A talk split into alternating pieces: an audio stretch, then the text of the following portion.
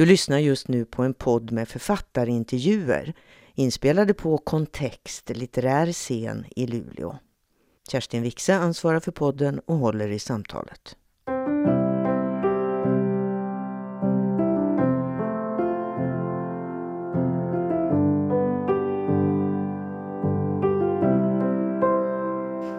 Så roligt, Anna-Karin Palm, att ha dig här. Det är så speciellt, tänkte jag på innan vi gick in här. Alltså att träffa en författare som man har läst i nästan hela sitt liv. Att du finns på riktigt. Nej, men ända sedan Målarens döttrar. Det är ju mm. rätt länge sedan. Mm. Hur länge sedan är det? Alltså, min debut Faunen kom ju för i år precis 30 år sedan. Ja. Så den har faktiskt kommit ut i en liten ny utgåva, pocket, jättefin med ett otroligt fint förord av Anina Rabe. Så det var väldigt roligt. Men 30 år. 30 år. Ja, men du finns på riktigt. Vi är så ja, glada att du är här. Äntligen fick jag komma hit. Ja, en resa med förhinder kan man säga. Ja. Och välkommen publiken som vi har längtat efter er. Så skönt att ha riktiga människor ja. i salongen. Och vet ni, alltså, eh, ni kanske tror att vi är jättefiffiga. Eh, vi ska ju prata om Alzheimer bland annat ikväll. Idag är Alzheimerdagen. Nej, är det sant? Det är sant. Och då börjar man ju tänka att det är något mystiskt med det här. Aha. Vi har ju planerat det här. Nej, vi har inte det. Vi har ju naturligtvis inte gjort det. Men det är väldigt roligt. Mm. Vi ska prata om två böcker tänkte jag idag. Alltså dels den här stora biografin över Selma Lagerlöf med citatet Jag vill sätta världen i rörelse. Vem vill inte det? Ja, på framsidan. Och så din bok då om din mor mm. med titeln Jag skriver över ditt ansikte. Och de här två böckerna de representerar ju rätt många år av ditt författarliv, Anna-Karin. Hur många? Oj, ja, eh, alltså egentligen så skrev jag ju dem nästan parallellt faktiskt. Och man kan väl säga att fem år ungefär skulle jag tro. Det är rätt lång tid. Ja, eller ja, fem, sex. Det var lite glapp där. Men, mm. När du började med Selma då, mm. så fick din mor diagnosen Alzheimer mm. under den tiden. Mm. Och vi har förklaringen till titeln här. Jag skriver över ditt ansikte. Kan du berätta? Ja, rent konkret så var det så att den titeln kom faktiskt i slutet. När jag, alltså jag började skriva den här texten så var jag inte ens säker på att det skulle bli en bok eller att jag skulle ge ut den. Utan det var mer att jag hade ett behov själv av att skriva om min mors sjukdom. Och det började så. Sen blev det att jag ville skriva om min mor som den hon var innan hon blev sjuk. Och det i sin tur ledde till att jag började skriva också om min egen barndom. För att det är svårt att skriva om en mamma utan att man själv dras in i det också på något sätt. Det är liksom... Men sen när jag så småningom började tänka att det här kunde kanske bli en bok som hade någonting att säga även andra människor. Då hade min mor redan dött. Och då hade jag ett foto av henne på min dator som en sån här skärmsläckarbild. Liksom. Så, att så fort jag satte på datorn så dök hennes foto upp där. Och det är en väldigt vacker bild av henne mm, några av de sista åren innan hon blev sjuk. Och då blev det så otroligt konkret att för att liksom sätta igång datorn och börja arbeta så var jag tvungen att klicka där på mellanslag eller någonting så att det kommer upp en sån här liten ruta rakt över hennes ansikte där jag skulle skriva mitt lösenord. Då. Så det blev alltså bokstavligt så att jag skrev över hennes ansikte varje dag i princip. Och sen började, tyckte jag att det passade som titel därför att det också finns liksom flera, man kan säga jag skriver över ditt ansikte, man kan också säga jag skriver över ditt ansikte. Och liksom hela den där dubbla betydelsen finns ju på något sätt i mitt förhållande till min mor också. Så att jag tyckte den passade väldigt bra. Det gör den verkligen. Nu ska inte jag så där krystat, ni vet, försöka koppla ihop de här två olika verken. Det är ju, det är ju verkligen eh, två helt olika texter. Men man kan ju inte komma ifrån att det handlar om kvinnohistoria och det handlar om kvinnors levnadshistorier. Mm. Din egen, din mm. mors, Selmas, alla, massa kvinnor i hennes närhet. Många. Och, och du kallar ju inte heller boken om din mor för en roman. Eh, hur tänker du själv på den texten? Vad är det för Ja, det är det därför. Förlagen framförallt vill ju alltid att man ska säga vad är det för en text? Och det vet man ju inte alltid riktigt. Alltså, jag tycker absolut inte att det är en roman. För att för mig personligen så har en roman någon slags fiktion. Och det har jag försökt att inte ha i den här boken. Jag brukar kalla den för en biografisk snedstreck självbiografisk essä.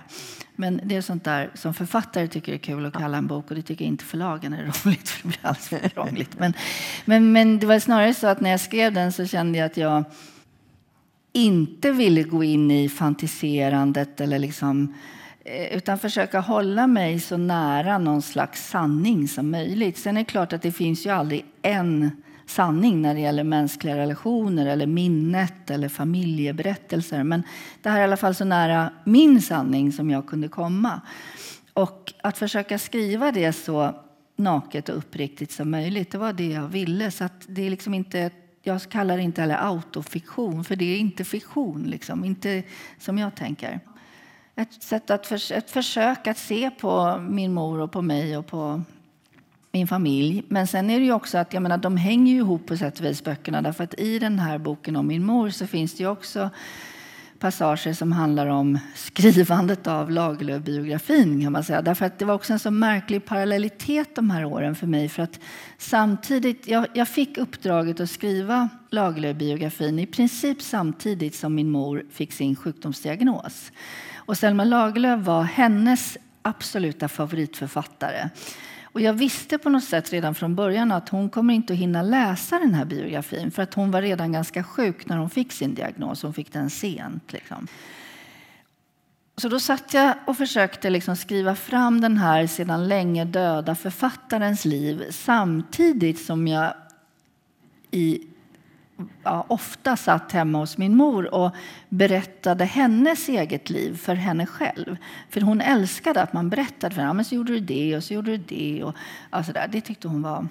Det, det, hon uppskattade det mycket. Så att det här väckte också så många frågor kring vad det innebär att berätta en annan människas liv överhuvudtaget. Att ta sig den rätten och hur gör man och hur, hur kan man liksom skildra ett helt människoliv? Eller, i, det är på väldigt olika sätt. Och den ena boken är liksom 400 sidor tjock och den andra är ganska kort och i korta stycken. Och ja, så det var liksom olika sätt att angripa det på något vis. Så i ditt huvud så, så finns de här böckerna parallellt verkligen? Ja. De hänger ihop? Ja. För om någon skulle fråga mig vad handlar då den här jag skriver över ditt ansikte, vad handlar den om? Så skulle jag kanske svara att den den handlar om olika saker. Alltså dels handlar den ju verkligen om sjukdomen mm. Alzheimer mm. Eh, och konsekvenserna. Men det, det är också en text om en mycket märkvärdig klassresa som din mor gör. Och så är det ju en text om en rätt komplicerad mor-dotter-relation. Mm. Det är en text om minne. Mm. Ja, det är liksom allt på en gång. Eh, och det är en text som växer fram och liksom ökar i styrka på något sätt hela mm. tiden. Håller du med om det? Det är som att du upptäcker saker. Det känns i texten att du upptäcker mm. saker medan mm. du skriver. Mm. Jo, men så, så tror jag nog att det var faktiskt. Um, det är ju ofta så att man när man verkligen sätter sig ner och försöker skriva ner vad man minns till exempel så växer ju minnena. Och plötsligt minns man något helt annat som man inte mindes att man mindes. Så att säga. Ehm, så att så var det absolut. Och också tror jag att, att på något sätt försöka närma mig min mor som jag då hade haft en ganska snårig relation med under en lång del av mitt vuxna liv. Inte på sista åren kanske, men framförallt när jag var yngre. Och att liksom skriva om henne och försöka se vem hon faktiskt var det gjorde också någonting med min relation till henne och med min bild av henne och av mig själv kanske. Så att det var en, en det är nog som du säger, det liksom förändrades vartefter jag skrev också. Mm. Det känns i texten. Du, första gången när du börjar ana att det inte står rätt till med din mor eh, så har det att göra med broccoli. Kan du mm. berätta det? ja. Jo, nej men för att hon hade då länge liksom sagt att hon var så rädd för att bli gaggig, som hon sa. Det var en sån här skräck hon hade. Hon var lite vad ska jag säga, hypokondrisk också. Så att, ja, och, och då brukade hon ofta säga ja, jag är så vimsig och så gjorde jag si och så. Och, det, och så, där. så fick man liksom skoja bort det och det var hon ju inte då. Men sen var det en gång, och det var då jag började liksom ana oråd. Då pratade vi i telefon och så sa hon att de hade ätit så god middag hon och far dagen innan. Liksom, och, Jaha, vad åt ni då? Ja, vi, det var pasta och en så god sås med såna där, eh, såna där, du vet, såna där gröna och krusiga. Menar du broccoli? Ja, just det, sa hon. Och det som gjorde att jag förstod att nu är det någonting, det var att hon inte med ett ord berörde det där sen. Hon sa inte så här, du ser hur gaggig jag blivit. Eller, Titt. Alltså, hon bara, pff, tyst, kommenterade inte det. Och jag oj, nu är det någonting. För det skulle hon ha gjort annars. Liksom tidigare skulle hon ha sagt just. Och sen märkte ni att ja. när, när ni åkte hem och hälsade på, du och din syster, i föräldrahemmet, att er far kanske hade mörkat mm. en del av utvecklingen? Ja, han gjorde nog det. Eller jag menar, vi märkte det jag tror att det var just då det blev så tydligt för att det är väldigt olika hur den här sjukdomen yttrar sig och vilket förlopp den har också hos olika människor. Och min mor var ju över 80 år när hon eh, liksom blev sjuk. Så man, det är ju lätt att tänka också att ja, men det är normalt att man blir lite vimsig och sådär. Och det är det ju också. Men det vi märk, märkte det på framförallt var just det här med språket. Alltså hon fick afasi. Hon tappade ord, vanliga vardagsord så här, som broccoli. Och till slut var det så precis innan hon diagnostiserades var det så illa att man faktiskt knappt förstod vad hon sa. Men då när hon fick diagnosen så fick hon ju sen också såna här bromsmediciner och då blev det faktiskt bättre till att börja med så att hon kunde liksom prata igen på ett sätt som gjorde att det gick att kommunicera. Mm.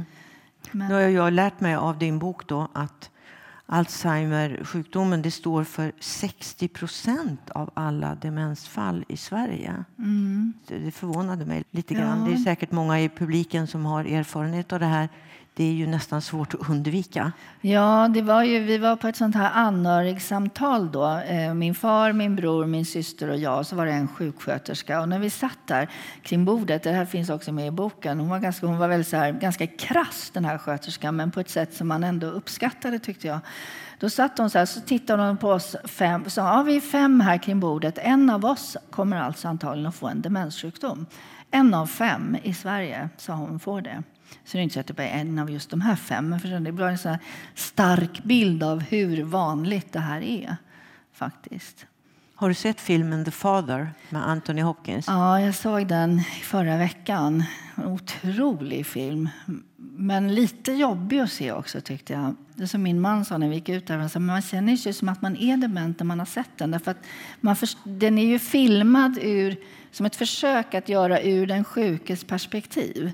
Så att människor liksom byter. Det sitter plötsligt någon man i hans rum där hemma och säger men vem är du? ja, men jag är ju din dotters man. Och sen i nästa scen så är dotterns man ett helt annat utseende. Och, alltså det är väldigt, men det är väldigt bra gjort. Och um, Anthony Hopkins gör ju en helt otrolig roll.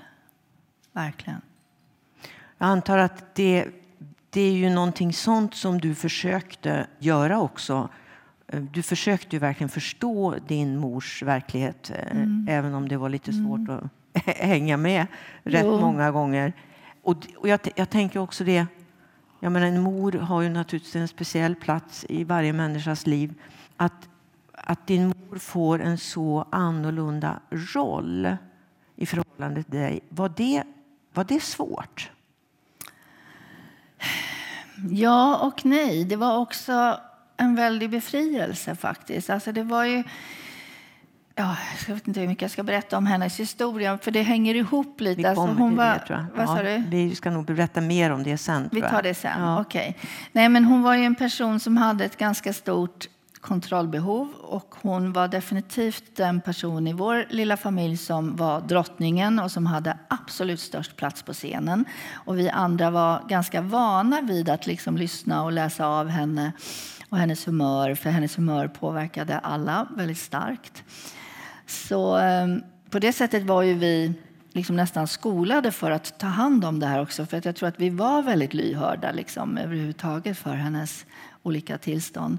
Men jag tyckte att det blev väldigt befriande att För det var konstigt var att som det första hon glömde på riktigt verkligen raderade ut ur sitt medvetande det var det faktum att hon var sjuk. Och när hon väl hade gjort det så blev hon så glad.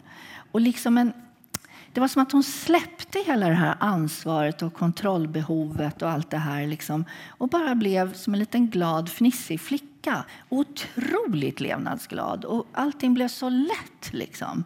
Och jag tänker att hon hade egentligen aldrig riktigt fått vara den lilla flickan när hon var det i den åldern. Men hon fick det där på slutet av sitt liv och det blev det gjorde någonting med hela vår relation. Det var, plötsligt hade jag en enorm ömhet för henne och en, liksom en kärlek som, som väl kanske, eller som hade funnits där hela tiden men som hade liksom dolts under allt det här trasslet och striderna vi hade. Och, ja. Din mor var väldigt vacker. Det skriver du en del om i de här texterna. För att det här med att hon var vacker, det, det beskriver du som viktigt i hennes liv, att det hade stor betydelse. Hur då? Ja, det var liksom en del av hennes identitet kan man säga på, på ett tydligt sätt. Alltså hon var ju väldigt vacker. Sen kan inte jag, alltså jag var ju hennes barn, så jag kan inte, men man såg ju när liksom farbröder på gatan reagerade. Och hon blev också alltid väldigt nöjd. Jag kommer ihåg någon gång när vi skulle gå på ett bad, såna bad när man betalar inträde. Och jag, min lilla syster och hon och mannen i kassan, då, den unge mannen, frågade om hon var vår stora syster. Och sånt där tyckte hon ju alltid var helt väldigt roligt. Eh, men sen var det väl också det att hon liksom hade ett lite så exotiskt utseende. Hon hade väldigt mörkt hår, nästan svart. Och så hade hon det långt och alltid en fläta så på ena sidan. Och det var på något sätt ingen annan mamma hade en sån där fläta på ena sidan. Och hon tyckte hon såg ut som en indian. Ja, men det var, det var liksom någonting med hela det här och så är det klart, jag menar, hon kom från enkla förhållanden, hon verkligen kämpade sig fram i livet och jag tror att det här med utseendet var liksom på ett sätt någonting som gav henne självkänsla, men det var ju också någonting som fångade henne i i någon, i någon I en självbild. Ja, en sorts precis. Självbild. För vi sa klassresa förut, och då kan vi säga så här att samma höst som, som du börjar ettan, mm. då börjar din mamma, 38 år gammal, i sjuan. Ja högstadiet alltså. Och, så hela din uppväxt och även när du har flyttat hemifrån så studerar hon för att så småningom komma in på läkarlinjen och bli läkare. Och det är ja. ju en enastående klassresa hon gör. Ja. Och det var väl också en väldigt viktig berättelse i er familj? Ja, jo, men det var det ju. Det var, jag tyckte det var en underbar miljö att växa upp i. Min far pluggade också som vuxen en period. Alltså det här att apropå rörelse, att, att man befinner sig i rörelse hela tiden. Liksom, och det går att förändra sitt liv. Och Det var ju någonting de verkligen gav till oss barn. Mm. Så att, men det går alltid att förändra, om bara man arbetar. Liksom. Och vi hade aldrig några pengar, men vi hade väldigt roligt. Och eh, ja, vi lärde oss saker. Det där med att aldrig ha några pengar, det finns en liten text som jag undrar om du skulle vilja läsa. Ja. Här på sidan 54. Okej, okay, ja, du har satt en lapp här. Då ska vi se. Mm. Absolut. Det där är nog en av dina största gåvor till oss. Att vi aldrig för ett ögonblick trott att lyckan eller livsglädjen har något med tillgång på pengar att göra. Syster och jag har alltid varit bra på att leva enkelt om vi varit tvungna till det. Vi har inte oroat oss för att vara panka. Vi vet att vi klarar oss. Vi kan äta linser eller tunna soppor i veckor om det behövs. Det är inte det viktiga. Det viktiga är, som du brukade säga, att vi har varandra. Som ett mantra. Du var ett överlevnadsgeni och du vägrade låta fattigdomen begränsa dig eller döva din längtan efter skönhet och magiska ögonblick. Du visade oss hur man kunde förvandla även den enklaste måltid till en fest och hittade vackra på de mest oväntade ställen att du orkade. Att du bara orkade fortsätta förvandla världen för oss och för dig själv. Men det är förstås precis tvärtom. Du hade inte orkat om du inte hade gjort det. Det är ett arv. Ja, ett bra arv när man ska bli konstnär kan jag säga. Det är det. Det finns ju verkligen skäl att beundra en kvinna som din mor.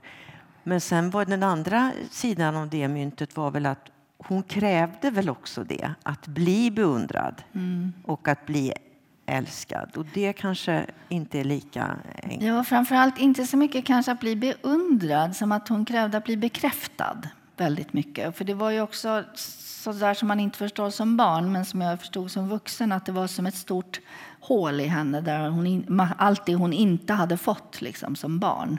Och det tror jag många som har den typen av barndomar, då, det blir aldrig nog. Hur mycket man än får sen bekräftelse så är det liksom som en hunger kvar i en hela tiden. Och det var väl mycket det med henne. Och sen också att andra sidan, hon hade ju den här enorma kraften liksom, och driftigheten. Och förutom att hon studerade så var hon liksom socialt engagerad, arbetade som övervakare, engagerade sig politiskt, målade tavlor. Alltså hon var liksom bara ett kraftfenomen. Men, men då är ju ofta baksidan att hon också hade perioder av stark nedstämdhet, stor oro, ångest som hon liksom inte... Och det fick man aldrig tala om. Och det var också det där är sådana minnen som blev tydliga för mig också när jag skrev att hennes så att säga, ljusa sida var vi ju så otroligt medvetna om. Men så var det som att man också visste att men det finns en skugga som följer henne hela tiden och den kan vi inte prata om och då blir den ännu mer skrämmande. Liksom, utan när hon hade såna här nedstämdhetsperioder då gick hon ju mer undan eller satt, gick in liksom på sitt rum. Eller då blev vi så oroliga. Har vi gjort något fel? Har vi sagt något? För det kunde vara också så att om någon, jag eller min syster sa något lite dumt eller skämtade om henne eller så där, då kunde hon bli så otroligt sårad. Och då kunde det liksom ta lång tid innan det blev bra igen. Så då lär man sig också gå väldigt försiktigt fram. Liksom. Mm. Det fanns ju också en annan berättelse som som kanske inte var lika populär i, i er familj. Och den handlade om din mors tidigare äktenskap där hon hade en son. Mm. Och den friserades väl till del under din uppväxt. Mm. Hur det såg ut. Hur, hur såg den riktiga berättelsen ut? Och vad var det man ändrade på? Ja, jag vet väl knappt precis hur den riktiga berättelsen såg ut. Det är väl ett sånt föräldrarnas... Alltså så här i de yttre dragen kan man säga att min mor då, hon kom från norra Hälsingland och bara ta det snabbt också att hon var äldst av nio syskon. För det, det, det har att göra med det att hon inte fick vara barn riktigt för det kom alltid nya småsyskon. Hur som helst, hon gifte sig och eh, då bodde hon med sin man, första man i Tierp som ligger i Uppland, om ni inte vet. En liten tråkigt ställe. och där bodde de och hennes första man var polis och hon fick en son och allt det här. Men hon, det var inte ett lyckligt äktenskap och hon vantrivdes, inte minst därför att han ville nog att hon skulle vara en hemmafru och mamma och hon ville ju mycket mer med sitt liv än att bara vara hemmafru och mamma. Så där skar det sig tror jag. Men så träffar hon då min far, min blivande far, som är sju år yngre än hon och han kommer från Tierp, så han är liksom ortens son. Och hon är utsocknes och farligt vacker och gift mamma och gift med en polis dessutom. Så det blev liksom skandal faktiskt i hela Tierp när de inledde ett förhållande och hon blir med barn med mig fastän hon är gift med den andra mannen. Så att alla var liksom tvungna att lämna Tierp och fara åt olika håll. Det var väldigt kaotiskt där ett tag. Eh, mitt första år levde hon fortfarande tillsammans med min brors pappa. Polisen. polisen och skulle liksom försöka igen. För att min far han var ju bara var 22, 23.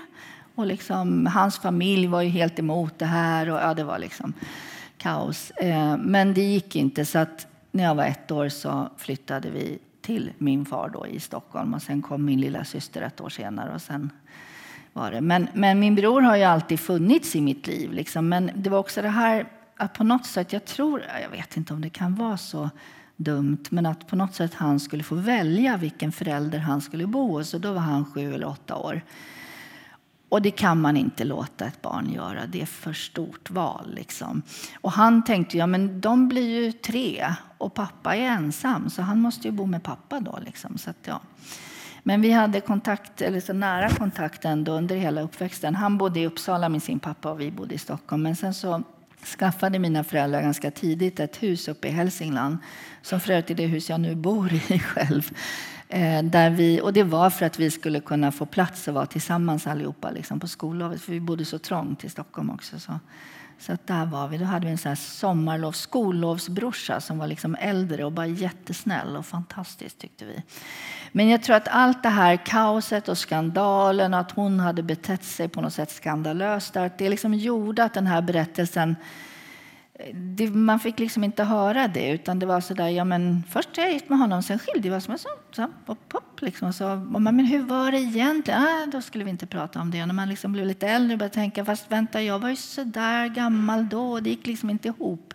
Nej, för att, det var, jag tror att det var också det som gjorde att det blev det här projektet. Vi skulle vara världens lyckligaste familj. Liksom. För att nu hade det varit så mycket smärta och kaos för att den här familjen skulle bli till. Så nu måste vi vara enormt lyckliga och glada hela tiden. Liksom. Det är ett rätt stort krav. Ja. Men du, under sjukdomen då så kommer ju då till en berättelse som skulle kunna vara hämtad direkt från Selma Lagerlöfs eh, värld. Alltså din mor påstår då plötsligt, alltså mycket på grund av ditt lockiga hår, att du har en helt annan far mm. än din far. Vad, är, mm. vad, är det som, vad är det som händer? Ja, du.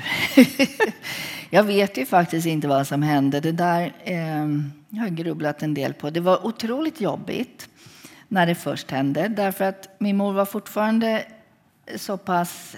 Alltså hon kunde fortfarande uttrycka sig helt klart. Och hon lät helt rationell när hon började berätta det här.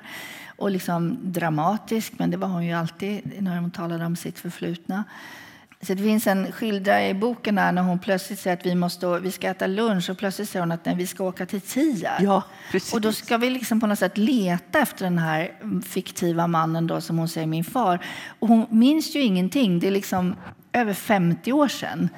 Och, och, och hon kom, och jag sa, men var bodde han? Jag vet inte. Det var en väg som gick upp, ut ur samhället och sen gick den ner och så gick den upp igen. Och där tog man... Och så, här, ja. så jag liksom kör omkring med henne där och försöker hitta någon väg som möjligen gick ner för en backe och sen upp igen för 55 år sedan. Och det, var liksom bara, det var som att jag plötsligt var inspärrad i hennes sönderfallande medvetande. Det var väldigt, väldigt, väldigt konstigt. Men jag kände ju hela tiden att jag tror inte på det här. Men så är det ju lätt om man också är lagd för att grubbla att man börjar tänka att du kanske jag känner så bara för att jag inte vill tro på det och så vidare. Och så vidare. Men min far sa på, på en gång att det här stämmer inte, det kan inte liksom vara möjligt. För att det var tillräckligt mycket rabalder då med, med den affär hon hade med honom så att hon skulle ha hunnit med en till, tror jag inte. och så sa han också, det säger mycket om min far, han sa, och om det nu mot all förmodan skulle vara sant så ändrar det absolut ingenting, sa han. Du är ändå min dotter. Liksom. Men det var det där med ditt lockiga hår? Ja. För det hade inte din syster? Nej, alltså alla är, har ju lite sådär tjockt och självfall, men ingen har så här superkrulligt hår. Liksom. Så att, jag kände mig alltid som en bortbyting när jag var barn. Men det var det jag insåg sen, för jag tror det var det först blev jag så nervös för det där, för det kuggade i hela den här gamla bortbytingskänslan. Men sen jag tänkte så vänta nu, när jag var barn, när jag var bortbyting, då var det ju min mamma som var en annan i de fantasierna. Då var ju min mamma en trollkvinna från skogen. Liksom. Så att, ja. Men, Men det alltså, finns många lager ja. i det där, för det också fanns ju en svartsjuka från min mors sida att, med, att min far eh, Alltså vi skulle aldrig kunnat ens som vuxna, jag och min syster, gå ut och äta middag ensamma med vår far. Det, hade, det var helt oföreställbart. För att då skulle hon tro att vi gaddade ihop oss mot henne. Alltså det var mycket såna här grejer. Så att jag tänker att på något väldigt djupt omedvetet plan så kanske hon liksom slog in en liten kil där. där. Eh, för att jag och min far har alltid varit väldigt på något sätt lite lika till sättet, bokläsarna och sådär. Så att, för att ja. du dras ju in i den här berättelsen till en början ja, och helt... far upp och ner som i en ja. känslomässig hiss där mm. verkligen. Vad är det som till slut får dig att skriva, nu citerar jag, Nog nu med dina dramer, dina försåtliga sätt att få vara i centrum. Det här är min historia nu. Mm. Till slut skriver du det. Ja. Jo, men det var en massa olika saker. Alltså dels att jag talade mer ingående med min far om den här tiden. För det var ju också det här tabut mot att prata om det här. Det hade ju gällt så starkt så att även när vi hade varit ensamma med honom någon gång i vuxen ålder hade han inte kunnat prata om det här. För det var liksom, men nu när hon blev sjuk så, så kunde han det. Och, eh, vi fick veta mer detaljer kring hur de träffades och allt det där. Men sen var det också att jag började förstå mer hur för det var ett tillfälle när de kom hem till oss och, hade, och hon sa oj, oj, oj, vi har rest så långt, vi kommer från Finland, sa hon. Och så började hon berätta om den här jobbiga, svåra resan de hade gjort från Finland. Och då blev jag så här, va? Och sen sa min far då, samma kväll, så här, nej, men då hade de tittat på ett tv-program om finska krigsbarn precis innan de åkte till oss.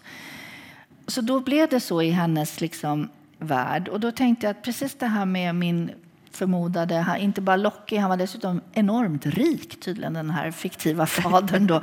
Att det kan mycket väl ha varit någonting hon hade sett på en film eller liksom, och så kopplade hon ihop det med allt det här dramat kring min födelse. Och, du vet, så att jag började liksom fick någon slags känsla av hur det fungerade i hennes värld.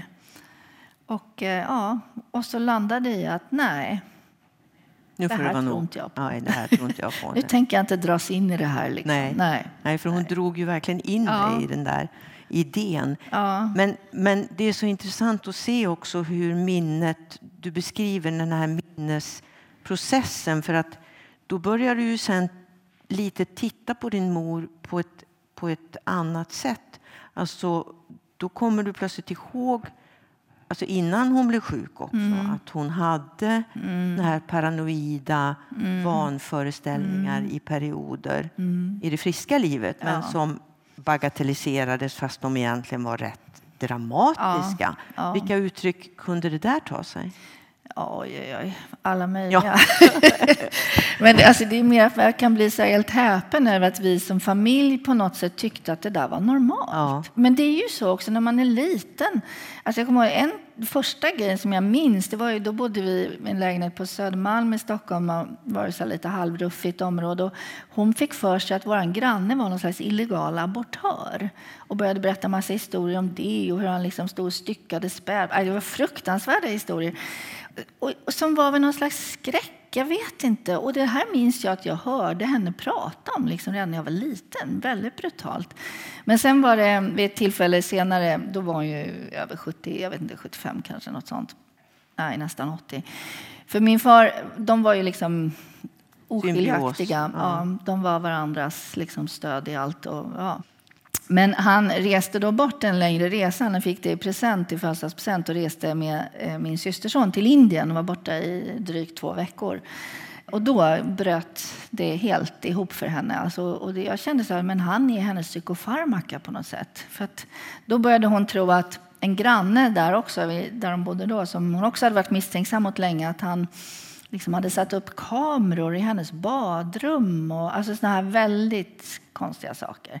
Och efteråt har jag tänkt kanske hade hon redan börjat bli sjuk då, men jag tror egentligen inte Jag tror att det här var hennes, när hennes ångest liksom blev för stark så gjorde hon en sån här konstigt falskt rationell berättelse av den. För att när hon berättade om de här sakerna så lät hon läkarrösten liksom, ja, så har han satt upp kameror här och jag förstår att du tycker att det här låter helt galet. Men alltså hon var så enormt saklig så att man nästan gick på det varje gång.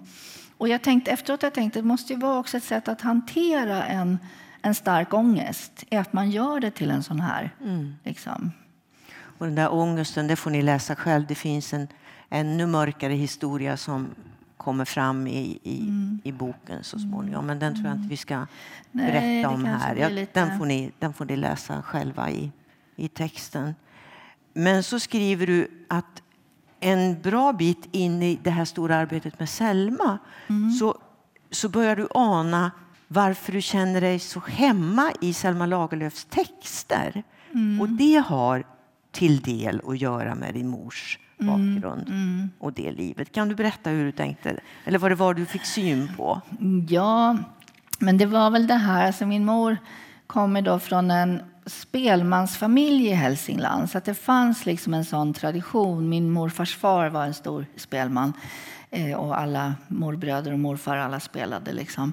Så att, och det var någonting med hela den vad ska jag säga, stämningen på de här släktkalasen. Och det var alltid några som drack lite för mycket. Och det var alltid någon som skulle berätta väldigt stora historier och det skulle fram fiolerna och det var hela det här. Och det är lite så det är i Selma Lagerlöfs värld också. Min mor hade sett en tomte ute i skogen när hon var liten. Och min mormor och min mor och min moster och de var synska allihopa. Alltså hela den här eh, liksom naturväsenden och andra världar och allt det där var liksom helt självklart på ett sätt som jag inte tror det var för så många i min ålder som växte upp i Stockholm. Liksom. Men, men det var den där Hälsingesidan och det kände jag igen så mycket i i liksom hela Lagerlöfstämningen i hennes berättelser. I många av framförallt hennes värmländska historier då, så är det ju liksom samma, samma arv på något sätt fast väldigt olika klass, samhällsklass. Precis. Ja. Men du, Selma, hon var ju långt ifrån självklar i din värld ändå. Det dröjer ju, för du beskriver väldigt roligt som, alltså inte ens när du läste litteraturvetenskap i början av 80-talet där, så tänkte du att hon var intressant på något sätt. Du, du ägnade dig mest åt, du drogs till androgyna kvinnor, alltså mm. kvinnor som du skriver var på rymmen från kvinnligheten. Mm. Det gillade du. Mm. Eh, och du såg absolut inget intressant i en åldrad kvinna i stor hatt. Eller hur? Ja, fast jag älskade ju hennes böcker. Men det där är så konstigt. Jag älskade hennes böcker, men jag var inte så intresserad av henne som person. Nej. Och jag då blev hade som besatt här... av Virginia Woolf istället. Ja, just det. Ja. Men då hade du också den här eh, repliken från en av dina lärare. Den är ju helt fantastisk. ja. En äldre man ska säga. Du måste säga den. Den är ju helt ja, ja, han, var väl i slutet på sin lärarkarriär där. Han var på många sätt en bra lärare, men han var inte eh, direkt eh, vad ska jag säga, jäm, jämlik. Han sa så här, ja, kvinnliga genier, ja, det har ju funnits några stycken. Antingen hade de klumpfot eller så blev de galna. Och där så att jag ville bli författare, liksom, uh, ska man välja? ja, nej, men det var väl det som jag skriver, det här skriver jag också om i den här boken, då, att, eh, att jag liksom inte förstod att Selma Lagerlöf verkligen var på rymmen från kvinnligheten också. Det förstod jag inte då. Jag var för ung liksom för, att, för att veta det och inse det.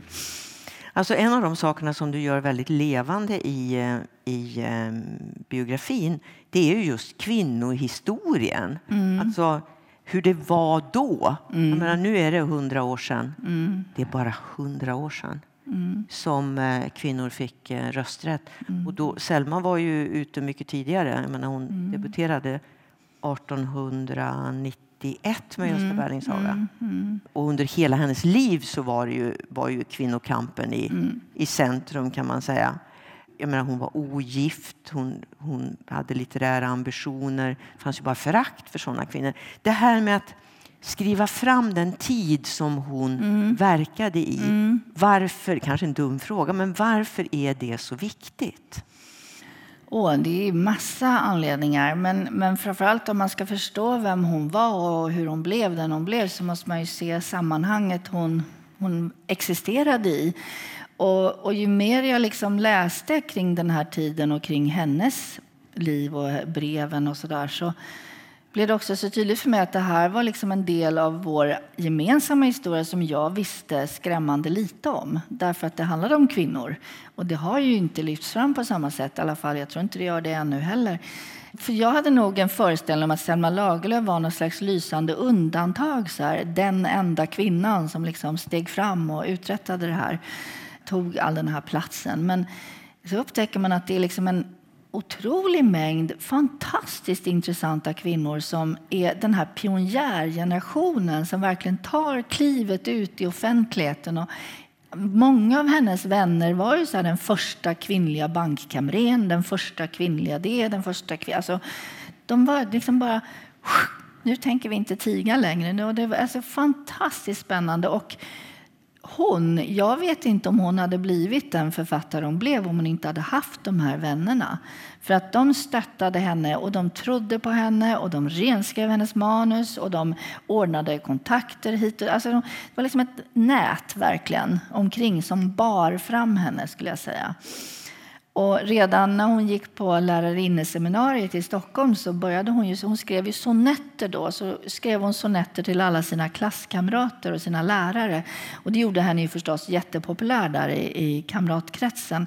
Men jag tänker att det gjorde ju också att hon redan då fick den här identiteten. Det var hon var den som skrev, hon var författaren.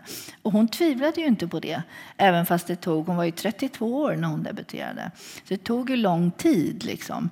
Men jag tänker att det betydde så mycket med de här eh, kvinnorna som liksom stöttar, bygger upp, uppmuntrar. De är alla fullkomligt övertygade om att hon är ett geni. Det är hon också. Men, men det är rätt häftigt tycker jag. Du skriver redan i början eh, av biografin där just att hon var oerhört bra på vänskap. Mm. Och det är fint du skriver det här nätet då. Mm. Men så, nu ska jag vifta med en tidskrift här. Har ni sett den här tidskriften Balder? Den fick eh, pris förra året som eh, årets, vad heter det? Årets kulturtidskrift. Ja, årets mm. kulturtidskrift. Där har du skrivit en, en väldigt fin text om demokrati. Där du också tycker att det är lite borde. tema demokrati ja. där, hela numret. Det är min man som gör den här tidskriften måste jag säga nu. Ja, just det. Så vi, inte liksom, är vi öppna. Inte mörka jävet. precis. Men, men eh, du skriver om att just det här att demokrati är inte ett konstant tillstånd. Det måste, och så vill du vidga demokratibegreppet också till att också omfatta naturen. Att vi någon gång ska kunna säga vi om inte bara människan utan också naturen. Men då har du ett citat där av Selma mm. Lagerlöf som är mm. väldigt, väldigt fint. Kan du ge oss mm. den bilden? Du vill nästan läsa citatet ordagrant, för jag tycker man ska, eller ska ha vi det här om du inte ska, för jag tycker man måste ha ordagrant när man citerar Selma Lagerlöf. För att det här är Alltså hon var ju aktiv i rösträttsrörelsen, även om hon inte var eller aktiv. Hon var aktiv i Falukretsen någorlunda där hon bodde. Men hon var inte den som liksom stod på barrikaden eller reste runt och agiterade. Men hon deltog så mycket hon kunde och genom sina böcker också försökte. Och sen efter att hon hade fått Nobelpriset så blev ju hennes röst liksom så betydelsefull så att det betydde mycket att hon stöttade rösträttsfrågan. Och då, det här, hon håller ett tal när riksdagen nu har, äntligen har beslutat om kvinnlig rösträtt. Och det var ju då 1919, 1920 som de tog de här besluten. Det måste jag hitta. Just det. 29 maj 1919 så firade kvinnorna att riksdagen hade fattat beslut om allmän och lika rösträtt även för kvinnor. Och då utgår hon i talet från den här bilden som jag tycker är fantastisk. Så här. Detta är en dag som jag aldrig trodde mig få uppleva och jag är glad att jag har fått se den framträda ur tidens gömmor och bli till verklighet. För jag må väl bekänna att jag och många med mig som har tagit del i det kvinnliga rösträttsarbetet vi har nog många gånger känt oss till mods som en utestängd som i mörka natten står och klappar på en väl reglad port och inte kan göra sig hörd. Och sen fortsätter hon med att säga att det egendomliga är att den här porten man klappar på, det är ju till ens eget hem. Och man förstår inte hur ens fäder och bröder och makar där inne kan vägra att öppna för en. Nej, det är ju ens hem. Och så säger hon så här. Och man dunkar och slår tills handsken spricker och handen flyger i blod. Jag tycker är så typisk Selma Lagerlöf, den där lilla detaljen som hon utför så konkret och som ger hela känslan. Liksom, att man bara står där och bankar. Var det den du tänkte på? Det var den jag tänkte ja. på. Dörren som hemmet som samhället. Ja. Och där ska bara bröderna och fäderna och ja. brorsorna vara. Men inte... Nej, hon håller också, det ordnades ju 1911 en stor internationell rösträttskongress i Stockholm med alltså kvinnliga rösträttsaktivister från hela världen i princip, men framförallt Europa. Då. Och eh, där höll hon ett tal som sen blev väldigt berömt som hette Hem och stat. Och det är väldigt roligt, om man läser det nu så kan man se att här finns ju hela den här folkhemstanken uttryckt. Och jag ska inte säga att hon var först, för det låg nog i tiden, men det är väldigt tydligt att hon säger att staten kan inte bara vara liksom, ge skydd och försvar utan det måste också vara ett hem som befrämjar allas växt och bildning och trygghet och omsorg. Så att hon liksom lyfter fram hela det här. Och till, för att det ska bli ett riktigt hem så måste även kvinnorna vara med i arbetet med staten. Liksom. Så att... Branting kanske lyssnade? Ja, det är inte omöjligt. Nej. Nej. Men du, när, du, när du skrev om jag måste fråga dig bara, vad, vad har överraskat dig dig mest när du har skrivit om Selma? Är det, något som, är det, är det de här nätverken? Ja, alltså dels det där som jag sa, att det var så många liksom kring henne. Eh, det var väl en, delvis en överraskning. Men sen, och delvis kanske också hennes humor som märks mycket tydligare i breven, tycker jag. Där hon liksom är mer bitsk och lite liksom, ja, väldigt rolig faktiskt ofta.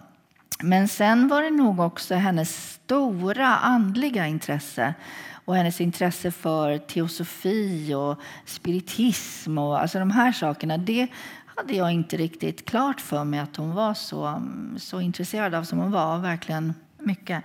Och det är också verkligen en del av den tiden att, att man på något sätt såg de här nyandliga lärorna som mer vetenskapliga sätt att liksom förhålla sig till själens odödlighet. Och hon säger någonstans till och med i ett brev att hon tror att i framtiden kommer Gud och odödlighet att kunna upptäckas så som luftens syre har upptäckts, eller eten eller tyngdkraften. Så det, det, var, det där kan ju låta jättekonstigt för oss idag, men jag tror verkligen att det var en tid där Eh, svalget mellan tro och vetenskap var liksom inte så bråddjupt som det är idag. Och det fanns många som klev över. Det var liksom fysiker som bevisade att de hade upprättat spiritistisk kontakt med sin döda son. Och alltså det, det fanns många överklivningar och eh, ett stort intresse för de här frågorna. Och jag tycker det var väldigt roligt och stimulerande att, att läsa om. Och hon var liksom hon gick aldrig helt in i något sånt här samfund eller någon eh, kyrka eller så, utan hon, hon höll sig nyfiken men kritiskt prövande. Men det var ett stort intresse för henne. Men det är ju som du säger, det tillhörde ju också tiden. Det var ju ja. det som intellektuella ja. Eh, och konstnärer och så ägnade många timmar åt eller stort intresse av. Det var inget konstigt. Liksom. Nej, men sen tänker jag för henne också att det finns, hon säger i ett brev när hon hade skrivit klart Mårbacka, den här minnesboken Mårbacka, och säger hon att hon är så glad att hon har fått skriva den boken för ingen annan kunde dra dessa döda fram ur mullen, skriver hon. Det tycker jag är fint. Och då tänker jag lite grann är det ju det hon gör i väldigt många av sina böcker, att hon liksom drar de döda fram ur mullen. Hon visar att vissa frågor är konstanta liksom för oss människor. Och, eh, alltså hennes, nästan alla henne, hon skriver väldigt få böcker som faktiskt utspelar sig i hennes samtid. Utan de är ofta placerade i, i det förflutna. Men, och det tycker jag är intressant också för samtidigt så är författarskapet, tycker jag, till sin syftning framåtblickande och utopiskt. Så att det är någon, hon gör någon slags rörelse där liksom, som jag tycker är väldigt Men du, det är också det här, med att, det här med att förstå tiden och att inte då, att befria sig från att lägga vår tids värderingar på hennes tid eller på hennes liv och så. Mm. Det, det, där tangerar du ju också i början för det är ju väldigt mycket av forskningen, jag menar det vi hör då som bara hör ytliga saker kanske, har ju handlat om ja, vem hade hon ett förhållande med och var hon lesbisk och hon var lesbisk och med vem levde hon och, och du vet sådär. Och då, då skriver du att bara slå fast att Selma Lagerlöf var lesbisk, det räcker liksom inte. Mm. Utan du, vill, du nyanserar ju bilden av alla hennes relationer med mm. olika kvinnor. Är det det du tänker på? Ja, och alltså dels jag kallar inte henne lesbisk i boken och det har dels att göra med att ordet, hon använder inte ordet själv och det började komma i bruk först lite senare in på 1900, eller en bit in på 1900-talet så att säga. Men sen var det väl just där att liksom inte lägga vår tids blick, alltså vår tid har ju lite pippi på det här med att kategorisera människor i fack, här, identiteter. Och det hade man inte riktigt då. Och, eh, alltså det är helt uppenbart att hennes begär liksom bara riktar sig mot kvinnor. Men det är också det är de här gränserna mellan vänskap, kärlek, sexualitet är liksom ganska fria och flödande och förändras över tid också. Så en relation kan börja på ett sätt och bli någonting helt annat sen. Och det tycker jag liksom är just en stor frihet som jag inte ville ta bort från den här eh, generationen. Som, det var ju liksom också så att det var ganska vanligt att kvinnor levde tillsammans, reste tillsammans, kanske till och med tog gemensamma fosterbarn. Och samtidigt var ju homosexualitet var ju förbjudet i lag. Men jag tror att det var också mycket enklare för kvinnor att liksom gömma sig under den här vänskapens mantel. För det var ju också så att det ansågs faktiskt att kvinnan inte hade någon sexualitet om hon inte hade blivit väckt av en man. Så att de kunde göra vad de ville då, för det var ingen som tyckte att det räknades ändå. Så det är också så där att det liksom är en annan, ja, och men när man läser liksom alla de här breven ja. mellan Selma och olika kvinnor och när du beskriver hennes liv så är ju det som stannar kvar hos en som läsare är ju Gud vilket härligt fritt liv. Det är ju liksom inte, det är ingen mm. tyngd och gud vad det här var jobbigt och nu smög vi den portuppgången och, mm. och vad ska han och, eller hon säga mm. om detta och detta. Det finns ju inget sånt nästan. Nej, det finns väl lite. Jag tycker man kan se lite alltså, hos henne själv att hon liksom har ett ambivalent förhållande till sitt eget begär. Att hon inte helt, alltså hon försöker liksom tukta sina begär också en period där. Och alltså det är naturligtvis så att om samhället säger att det här är fel så internaliserar man ju det förtrycket, så att säga, eller den cens censuren.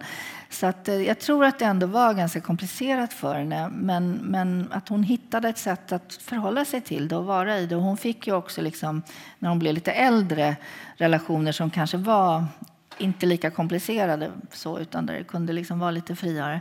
Men sen var det väl också vad ska jag säga, i och med att hon blev så berömd också som hon blev. Alltså hon var ju berömd på ett sätt som inte går att föreställa sig idag. Det var ju liksom, när hon fyllde 50 år fick alla Sveriges skolbarn ledigt efter lunch för att fira henne. Liksom.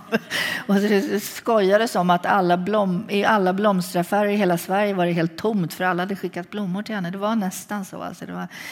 Men det gjorde ju också att hon liksom hade verkligen den här fasaden.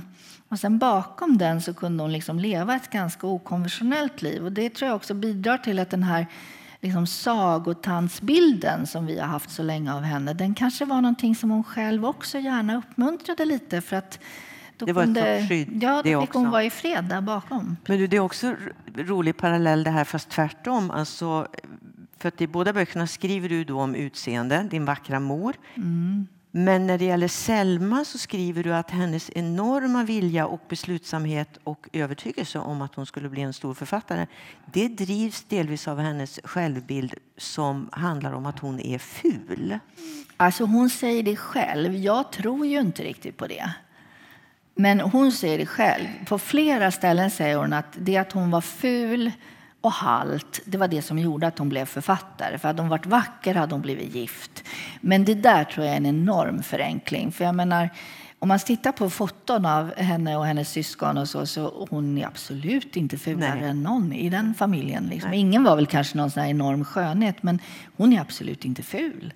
Och det finns samtida vittnesmål om hur hon liksom dansar på baler med sin långa fläta virad kring armen så för att den inte skulle stå ut i rummet när de snurrade. Och, och, så jag tror snarare att det där som hon kallar fulhet det var nog att hon från väldigt tidig ålder var faktiskt komplett ointresserad av traditionellt kvinnliga sysslor men också egenskaper. Hon ville liksom inte vara trevlig och fråga männen om allting. Eller liksom, hon var inte så intresserad av att konversera. Eller, hon ville vara i fred och läsa och skriva och bli Sveriges största skald. Liksom. Och det, så det är bra att säga när jag är för ful för att bli gift och så behöver ja, man inte bry sig om det. Jag tror inte faktiskt att det handlade om det. Nej. Men du, du sa ju nu då förut att din mammas eh, stora eh, författarförebild, eller man ska säga, var Selma Lagerlöf. Mm. Hon älskade Selma Lagerlöf väldigt mycket. Och då kan man ju tänka sig att när du då berättar för henne att du ska skriva den här stora biografin, att hon skulle bli väldigt glad. Men det blev hon inte. Vad hände? Nej, alltså då var hon ju sjuk redan så att allting blev ännu mer osensurerat än, än tidigare. Um, nej, hon jag skulle nästan läsa den. Nej, jag skriver om det i boken. Hon, först stirrade hon bara på mig så här, och så slog hon liksom ut med handen. Nej, det skulle ju jag göra, säger hon. Så att, ja, det var lite så. Det fanns liksom en konkurrens på något konstigt sätt. Men hon var, du skriver ju om henne, hon var en tävlingsmänniska, hon ja, tävlade om ja, allt. Ja. Men det blev ju helt absurt. Hon kunde alltså inte lämna, alltså du var ju, började, du var författaren men det kunde hon liksom inte ta. Jo, men det där var också, alltså det är alltid så här med, med, min mor och så är det väl med många människor som man står nära att man säger ja, men det var också så här. Att man, det finns liksom alltid flera sidor. För hon var enormt stolt över att jag var författare och, och så. Men samtidigt så var det liksom mer som, ja, sen skulle hon ju börja skriva också då. Och när jag en period skrev såna här krönikor på kultursidan på Dagens Nyheter, då började hon skriva sådana och skicka till Dagens Nyheter faktiskt. Det är jättekonstigt. De tog inte in dem. Men, ja, så det var liksom, men jag tror att det där mer hade att göra med att hon faktiskt ytterst betraktade alla sina barn som delar av henne själv. Och om vi växte så måste hon också göra det på något sätt. För att annars skulle vi liksom gå ut ur den här då var vi inte hon längre. Och det här var ju det vår strid mest handlade om. skulle jag säga. Att jag ville inte vara en del av henne. Jag ville vara en helt annan person utanför henne. Och det var liksom där det gnisslade mellan oss från det att jag var i tidiga tonåren. Egentligen. Ja, och det var rätt svåra uppträdanden. Det krävde ja. mycket styrka för dig att kliva ut ur det där ja. kraftfältet. Ja, det gjorde det. Därför att det liksom också innebar flera gånger att jag var tvungen att svika henne på olika sätt. Och, liksom, och det vill man ju inte göra, för jag har ju alltid tyckt om henne också. Men jag visste att jag var tvungen att göra det om jag liksom skulle överleva faktiskt. Och det där är ganska komplicerat. Och det där med utseende då, eh, finns ju en sida till som handlar om dig. Att, att hon på något sätt också, eh, kanske inte jämt, men i alla fall påpekade att du var inte vacker. Mm. Det var det så tydligt. Nej, men det var, det var tveeggat, för det gick ut över min syster också. Det var så där, till och med var det faktiskt så att en gammal klasskamrat till mig berättade nu när boken kom ut, och så hon hade läst om den, att hon kom ihåg att hon hade hört min mor säga att, att jag hade fått eh, begåvningen och min syster utseendet. Och det var liksom rollerna. Min syster var snygg men inte smart och jag var smart men inte snygg. Och vem det var tråkigast för, det kan man undra. Men tack och lov, jag ska säga, så trodde vi aldrig på det där sinsemellan. Liksom. Vi visste att det inte var så där enkelt, men det var, liksom, det var alltid så. För att min syster var lik min mor och jag var inte så lik henne utseendemässigt. Så det var hon som var vacker och jag var inte vacker. Det var, verkligen, det var liksom bara ett axiom. Ja. Men jag vet inte, det var så här 60-70-tal. Det var inte lika viktigt att vara vacker då som det är nu kanske. Liksom, jag kände inte att jag var tvungen att gå och operera mig och börja spruta in Du har inte ett stort men... trauma av detta? Nej, men Nej. det är klart det sitter. Jag tror att det som gjorde ondast, det var en känsla att hon alltid liksom, alltid verkligen häv, så med eftertryck sa att jag inte var lik henne. För det kändes som att man liksom blev lite bort bortvisad. Om någon främmande människa sa, tyckte att jag var lik henne, så hon nej, nej, nej. Liksom så. Och det, det är liksom lite så konstigt att ens mamma absolut inte vill vara lik en. och också om någon sa att jag och min syster var lika, då blev hon också lite så sur. Liksom. Jag kan förstå ja. att den där berättelsen om att din far inte var din far alltså hade någonstans att landa i om ja. det hade varit så där. Ja. Det kan man ju förstå lite bättre då. Jo. Men du, eh, du skriver sen väldigt kärleksfullt om hur det blev lättare och lättare eh, att älska din mor, som mm. du sa förut, mm. i takt med att sjukdomen framskrider egentligen. Mm. Varför var det lätt? lättare? Var det för att hon blev den där glada personen och glömde mycket av den här tävlingen? Ja, alltså, ja det, det var ju på något sätt, alltså, sjukdomen kan ju som sagt verkligen uttrycka sig på så väldigt många olika sätt. Men just hos henne och i vår familj så fick den det här. Det var ju mer som att det skalades bort en massa lager och framkom liksom någon slags grundpersonlighet som, som bara var så bedårande och, och, så levnadsglad och så liksom positiv. Och, och just att så mycket all den här oron och ångesten försvann också. Utan att hon kunde liksom sitta och bara Åh, vad vi har det bra! Så här. Det var så härligt liksom, och, och, att hon fick, fick känna det på slutet. Kan du inte läsa en liten text om det? Är det den här på demensboendet? Ja, ja. ja precis. precis. Till slut blir bara kärleken kvar. I korridoren på demensboendet håller jag och syster dig i varsin hand. Du går sakta men med spänst i steget. På huvudet hatten som du sytt i stolt vinkel. Du ler och skrattar till varje gång du ser på någon av oss. Konspiratoriska blinkningar, busminer.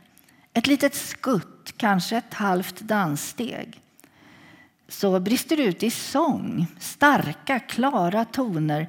Jag känner inte igen melodin. Du slår ut med armarna som en operadiva. Du är glad idag. Sköterskan vi möter kommenterar det kallar dig en riktig solskensspridare. Du kramar min hand. Jag känner värmen strömma mellan oss. Tänk att det är så mycket enklare att älska dig nu än det någonsin varit. Rent och starkt. Det är fint. Mm. Alltså, du skriver verkligen det att till slut finns bara kärlek kvar. Det, det, det känns som en väldigt ljust slut på en berättelse om en väldigt svår sjukdom. Mm. Eh, och nu lever hon inte längre. Eh, och du pratade om hur Selma grävde upp de döda ur mullen och fick dem att stanna kvar. På vilket sätt eh, känner du att hon fortfarande finns i, i ditt liv? Din mamma alltså. Oj, på väldigt många sätt. Dels så bor jag ju så i det här huset som var min familjs fritidshus i massa år och jag går i en trädgård som hon delvis har anlagt. Och, alltså så rent konkret. Men sen tror jag, och det, det var också tror jag, någonting som blev tydligt för mig när jag skrev den här boken, att man kan också fastna i vissa såna strider och se det man enda man ser. Och så ser man inte de saker som kanske är det verkligt viktiga man har fått med sig, som kärlek eller som vissa grundvärderingar som jag definitivt fortfarande lever efter på något sätt och som hon och min far gav mig. Och det känns väldigt tydligt för mig att där är hon liksom närvarande i att ja, vad som är rätt och fel och vad som är viktigt i världen och så. Där finns hon. Mm. Och när det gäller Selma då, som du också levde med då, inte i hela ditt liv, men i fem år väldigt intensivt. Mm, Kommer hon att vara en sån där evig referenspunkt och i så fall hur? Ja, men det tror jag. Alltså jag har borrat mig in i henne så otroligt och tycker verkligen att jag har någon slags eh, vänskap med Selma Lagerlöf. Jag måste alltid säga Selma Lagerlöf därför att min dotter heter Selma så det blir så förvirrat att du säger och Selma då blir jag så här, va?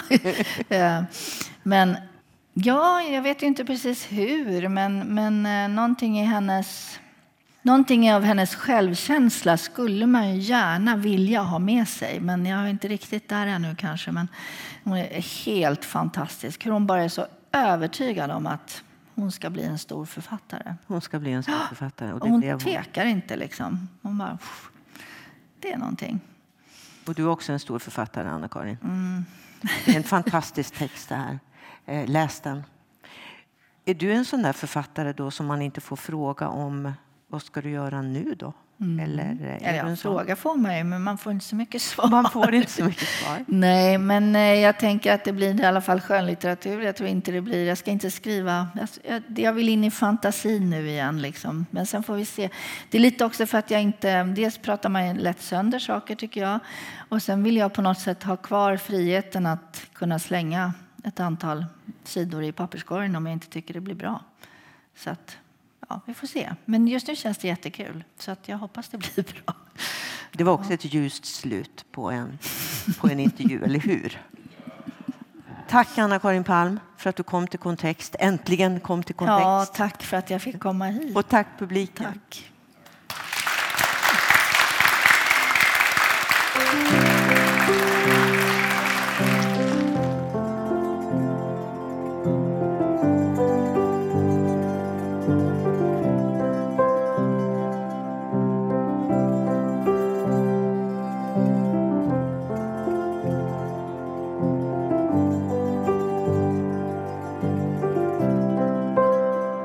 Kontextpodden produceras med stöd av Region Norrbotten och i samarbete med Kontext litterär scen i Luleå. Författarscenen drivs med hjälp av Statens kulturråd och Luleå kommun.